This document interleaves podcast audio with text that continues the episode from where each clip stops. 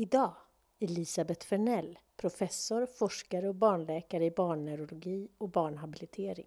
Vi har ju gruppen med en intellektuell funktionsnedsättning. Det är ungefär 2 procent totalt. Och för dem har vi en mycket bra anpassad skolform, särskola. Perfekt. 2 procent får en anpassad skola för, utifrån sina behov. Men övriga får inte det egentligen. Det är mer lite lotteri om det finns i den kommunen man bor.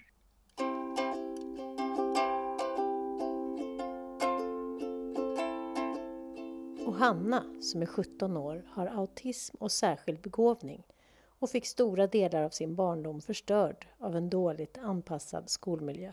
När jag gick på mina första möten, när jag gick i femman och skulle prata med lärarna, så fick jag ofta frågan hur skulle du vilja ha det? Och jag tyckte alltid att det var så svårt. För att när de ställde den frågan så kändes det som att om jag inte gav ett bra svar då skulle det inte finnas något svar alls. Då skulle jag bara få fortsätta leva med ångest och depression och ensamhet. Och om jag inte kunde lösa mina egna problem, då kunde ingen lösa dem. Då kunde jag inte få någon hjälp alls. Jag var den enda som kunde hjälpa mig själv.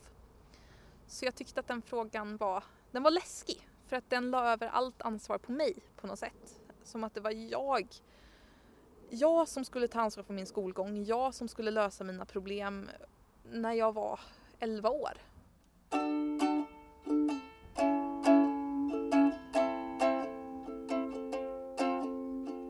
Nu för tiden mår Hanna bra. Hon går gymnasiet på en resursskola som anpassat hennes undervisning efter hennes behov. Ett av Hannas stora intressen är att tillverka blommor i metall. Vissa blommor jag gör, gör jag mycket mindre för att kunna ha som broscher eller så. Men när jag gör stora blommor med skälkar så gör jag dem så att de, har, så att de är någorlunda realistiska i storleken. Ibland köper jag faktiskt riktiga blommor och har som modell medan jag gör dem så att jag kan se alla små detaljer. Jag brukar inte måla dem eller så utan jag låter dem förbli i koppar eh, för jag tycker att det är rätt häftigt. Sen så har jag gjort ett antal rosor, jag ska se om jag har en bild på det här. Här har jag gjort en fjäril. Hur gör du dem då? Jag har kopparplåt och sen så tar jag en mycket praktisk plåtsax och klipper genom koppan eh, med mycket starka handmuskler. De får man arbeta upp. På just den här fjärilen så har jag mönster så att vissa delar är matta och andra är glansiga för att få det att se ut som att fjärilen har mönster. Eh, och den matta delen gör jag då genom att tejpa av områdena som jag inte vill ska bli matta och sen så använder jag typ som sandpapper och skrubbar på delen som jag vill ska bli matt. Och sen tar jag bort tejpen. Och då har jag matta områden och glansiga områden. Mycket elegant.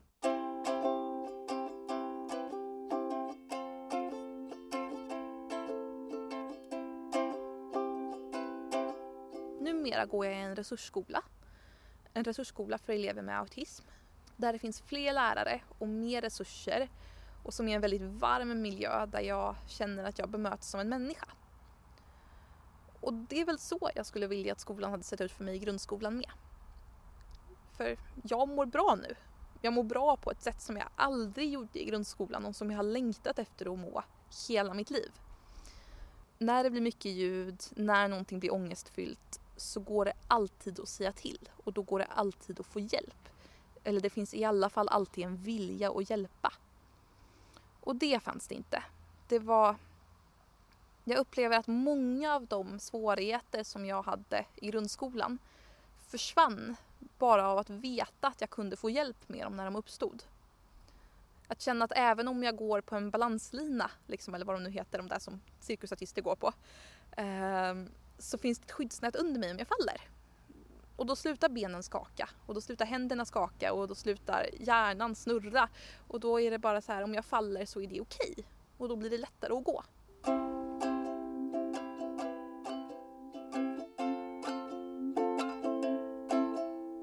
Jag hade levt hela slutet av grundskolan som att som ett spökskal. Jag, jag var inte där, jag var bara där för att få betyg och gå hem. Och när jag kom till resursskolan för första gången och satt, vi hade en introduktionsdag och vi satt runt ett bord och fikade. Och så kände jag, nej men herregud. Jag kan vara en annan person nu, jag kan vara vem jag vill och jag kan bara ha roligt. Jag kände på direkten att det här är en miljö där jag kommer orka investera i relationer med andra människor. Det här är en miljö där jag kommer ha energi och liksom där det kommer finnas en Hanna kvar efter skolan. En Hanna som kan gå ut med kompisar och som kan sitta hemma och se på filmer med kompisar eller bara liksom leva. Det kändes som att det skulle finnas mer av mig och då vågade jag ta det där steget att vara med människor och att påbörja någon sorts vänskap. Eh, det gick för övrigt bra. Jag har många kompisar. Många väldigt, väldigt, väldigt fina kompisar. Och alla vet att om man har en dålig dag så har man en dålig dag och det finns en anledning till det och det gör en inte till en dum eller konstig människa. Och det känns som att om man har en dålig dag eller en dålig vecka eller en dålig termin så när jag kommer tillbaka till skolan, när jag kommer tillbaka in i liksom vänskapssfären så kommer människorna fortfarande att finnas kvar.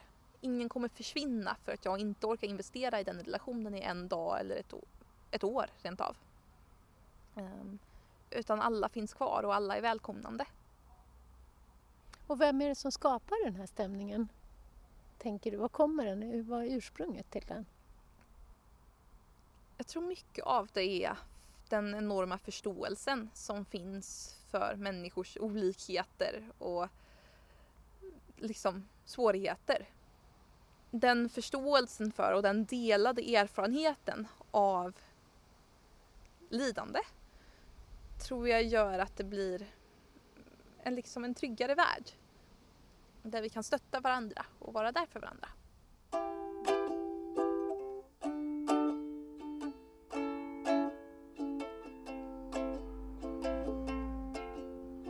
Jag funkade ändå rätt okej okay innan, innan jag började i sjuan och innan jag fick betyg.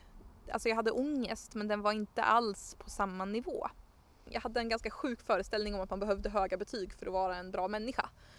Um, och sen så kom jag in i sjuan och så var det så här, vet, lärarna sa att det kan alltid bli bättre. Även om du får A så kan det alltid bli bättre och det kommer bli svårare och svårare och sen så kommer ni komma in på gymnasiet och där kommer det bli svårare. Och innan jag fick min diagnos så var den enda... Vad var det för diagnos? Förlåt? Autism nivå 1. Eller det liknar väl vad som tidigare kallades Asperger. Så behövde jag ju också hjälp. Jag hade ju fortfarande diagnosen även om den inte stod på ett papper. Men då var enda förklaringsmodellen som jag och mina föräldrar hade till att jag behövde anpassningar att jag hade, eller att jag har ett väldigt högt IQ, att jag är särskilt begåvad. Och i och med att det var förklaringsmodellen så kände jag alltid att om jag inte var smart ens för en sekund, om jag inte var den smarta ungen så skulle all den hjälp som jag så himla desperat behövde bara försvinna. Så jag kände att jag behövde få A i allt för att visa att jag var någon som var värd hjälp. Och det var rätt sjukt för en 11-åring. Uh, Låter helt fruktansvärt. Ja, när jag fick ett A var jag ju inte glad. Jag var bara lättad. För att det kändes som att okej, okay, nu kan jag andas i en vecka till. Nu kan jag leva i en vecka till. Nu finns jag i en vecka till. Varje A var som någon sorts bekräftelse på att jag förtjänade att finnas. Men det var inte något som gjorde mig lycklig.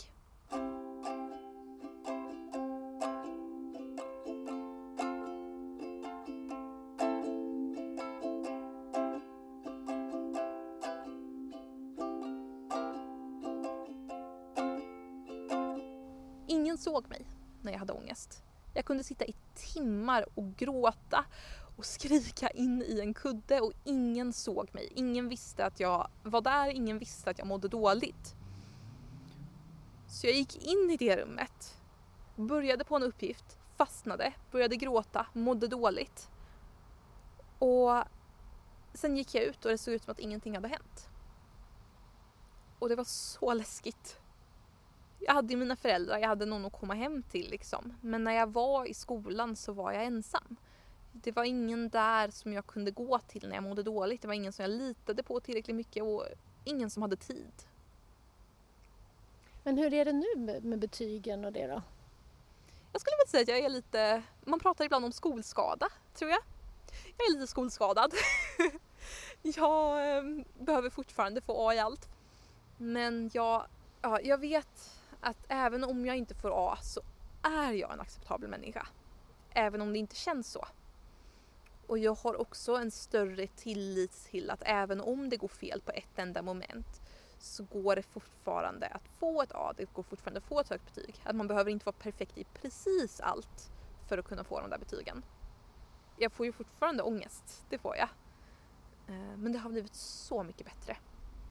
Men när du säger skolskada, vill du berätta? Vad menar du med det?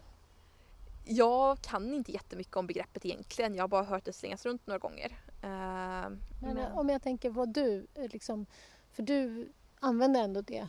Och vad betyder det för dig? Det betyder att jag har någon sorts litet trauma som jag tror kommer följa med mig ganska länge. Uh, där jag känner att jag måste få de här betygen för att vara acceptabel. Jag måste prestera på topp hela, hela, hela tiden.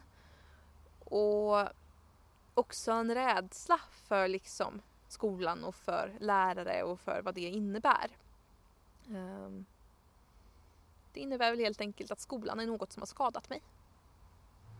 Så, ja. Är det tilliten som har skadats, tror du? Tilliten, definitivt. Ehm, nu har jag ju byggt upp en tillit igen efter att ha gått på den här fantastiska skolan som jag går på nu. Men den tilliten var ju obefintlig eh, under många år. Men också bara tryggheten. Känslan av att skolan är en plats man kan gå till och vara trygg. Att skolan är en plats man går till för att lära sig saker och för att träffa kompisar och för att leva. Den tryggheten försvann ju under en lång period. För mig var skolan en plats dit jag var tvungen att gå och en plats det var en plats som jag enligt lag behövde gå till men som skadade mig varje gång jag gick dit. Och jag hoppas att för mina barn så kommer skolan inte vara en läskig plats som skadar dem. Jag hoppas att för mina barn så kommer skolan vara en rolig plats dit man går för att lära sig på ett lustfyllt sätt och dit man går för att träffa kompisar och bli en mer utvecklad människa. Jag hoppas att skolan blir bättre.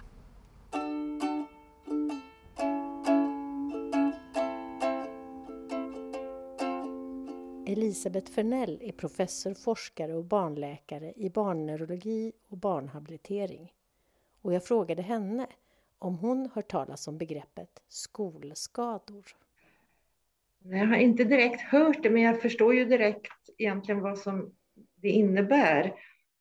Och det kanske har någon slags relation till det här begreppet hemmasittare. Det är ju också ett, ett, en ny term som har kommit in det fanns ju inte för ett antal år sedan. Och det är ju barn för vilka skolan inte är anpassad. Det, det fungerar inte och, och, barnen visar det genom att inte kunna klara att gå till skolan. Och att många också får psykisk ohälsa, inte mår bra. Vi har en väldigt krävande läroplan som kräver extremt mycket av exekutiva funktioner, att självständigt planera, organisera, strukturera. Det är ju funktioner som mognar över tid hos barn, mognar långt upp i 20-årsåldern och att vi kan se att kraven är för höga i läroplanen. Och där så många barn och ungdomar behöver ett stöd som kan vara i form av en ledtråd, en påminnelse, en hjälp att starta uppgiften, någon som kollar att man går vidare, att man kommer, att man avslutar, att det finns någon vuxen där med stöd för tanken. Och vad gör det liksom med situationen i skolan för lärare och elever när man har en läroplan som har så för höga, vad ska man säga, för höga krav på förmåga Alltså hos barn. Det handlar inte om kunskap då utan om liksom psykologiska förmågor helt enkelt? Ja, att man, känner, man misslyckas. Det, det går ju direkt som en signal. Man, man, man får eh, sämre självkänsla. Jag klarar inte det här. Och för lärare blir det ju också väldigt svårt att känna att man inte hinner med och, och hjälpa de elever man märker har behov. Och eh, jag har funderat mycket på vi har ju, vi har ju gruppen intellekt, med en intellektuell funktionsnedsättning. Det, det är ungefär 2 procent totalt av barn eller människor. 2 procent. Och för dem har vi en mycket bra anpassad skolform, särskola. Mm. Perfekt. 2 procent får en anpassad skola för, utifrån sina behov. Men övriga får inte det egentligen. Det är väldigt mycket upp till kommunen är det väl mm. som bestämmer i, i vad mån man har mindre grupperingar. Det är mer lite lotteri då, om det finns i den kommunen man bor. Mm. Men vad tänker du om den nya läroplanen då? Har du någon koll på den? Jag har skrivit och frågat mycket om, till Skolverket om den nya läroplanen. Jag har hört också andra som har tagit del av den. Men jag har uppfattat att den inte ger så, gör så stor skillnad för eleverna. Att det kan vara bättre och mer tydligt för lärare hur man ska bedöma. För det har ju också varit svårigheter med den, med den tidigare läroplanen, svårigheter för lärare att bedöma en elev.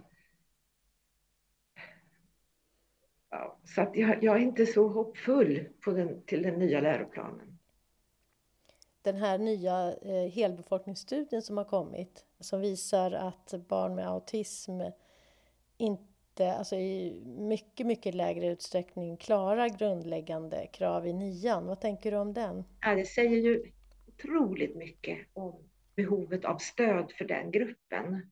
Och det är ju samma också för gruppen med ADHD.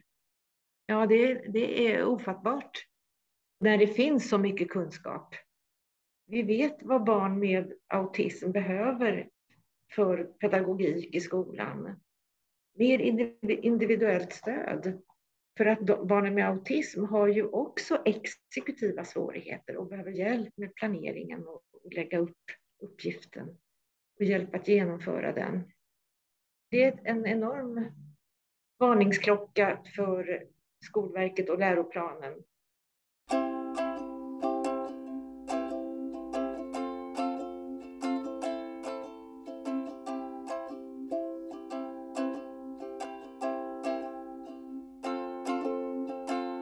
inkludering är ju en god tanke och bra på vissa sätt, men risken idag är ju att man blir exkluderad i den inkluderande skolan. Och hur går det till? Ja, att man blir utanför. Man är med alla andra elever, man kanske inte får just någon, någon egen hjälp och man förstår inte uppgiften, kommer inte igång. Det, det sätter sig ju enormt på självförtroendet Plus, nu har vi inte pratat om det, men betygssystemet. Nu hörde jag att betyget F ändå ska tas bort. Det har ju blivit, tycker jag, extremt stigmatiserande. Förut hade man ju, i alla fall inom 1 till 5, 1 var ju inte på det viset stigmatiserande. Alla säger ju att F motsvarar fail. Jag, jag duger inte när man har svårigheter som gör det omöjligt.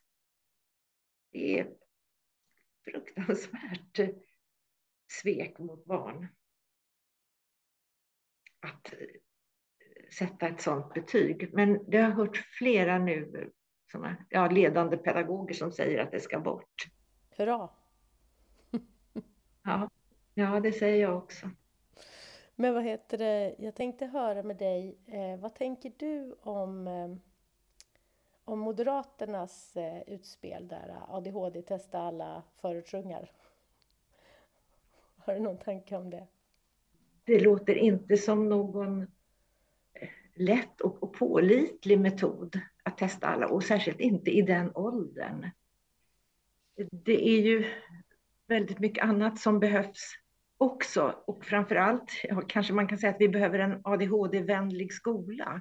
När min dotter hade problem i skolan så eh, fick hon tid, det var jättelång kö på BUP så då fick hon en tid på något som heter BUM som var barn och ungdomsmedicin. Men de utredde bara ADHD. Eh, så då fick hon en ADD-diagnos då. Men sen så tog det liksom tre år till innan hon fick sin autismdiagnos eftersom att hon, de inte utredde det. Liksom. Nej, nej, så det, det blir lite konstigt. Man kan inte ha sådana team. Man måste ha team som utreder barn med svårigheter. Och efter utredning vet vi vad det var.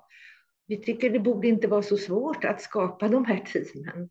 Man skulle ha då professioner från barnmedicin, barnläkare, man skulle ha förstås professioner från BUP med barnpsykiater och det behövs ju absolut psykolog och ha logoped, arbetsterapeut, eh, personer från habiliteringen, kurator och så förstås sjuksköterska.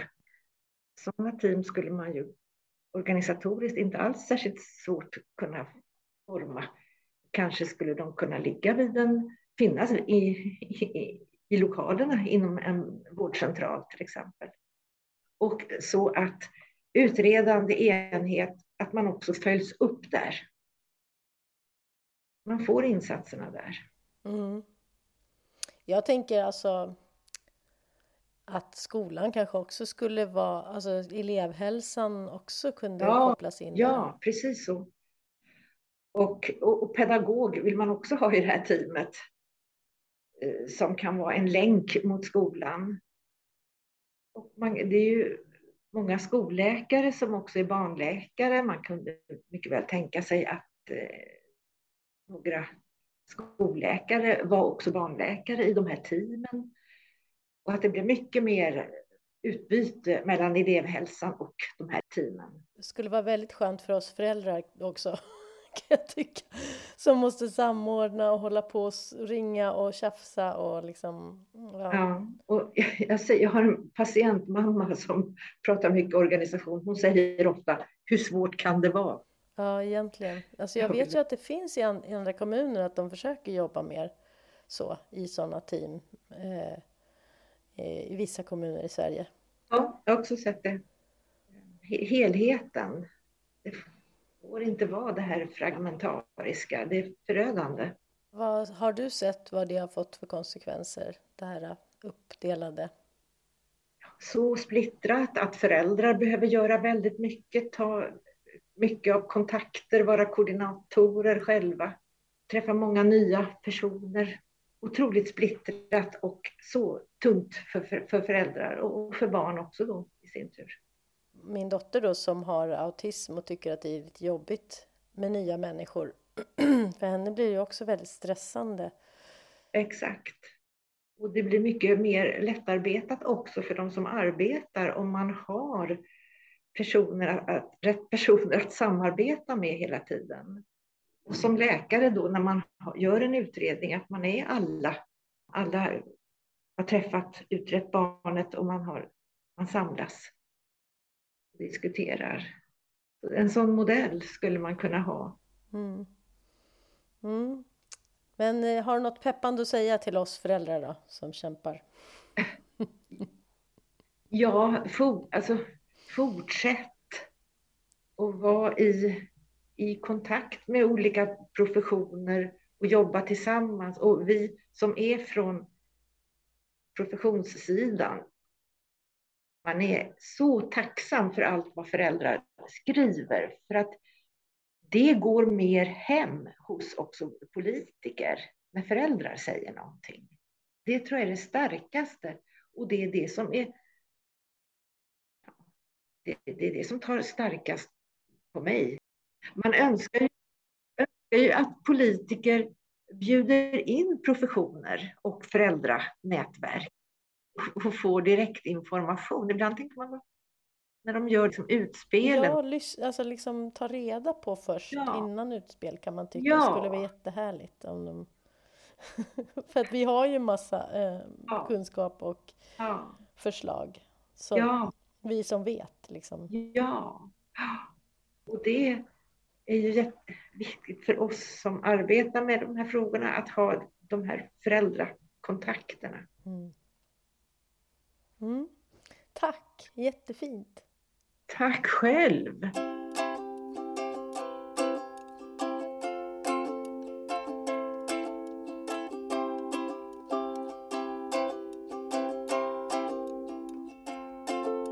Jag heter Johanna Langhorst. Musik Zelda Bingert.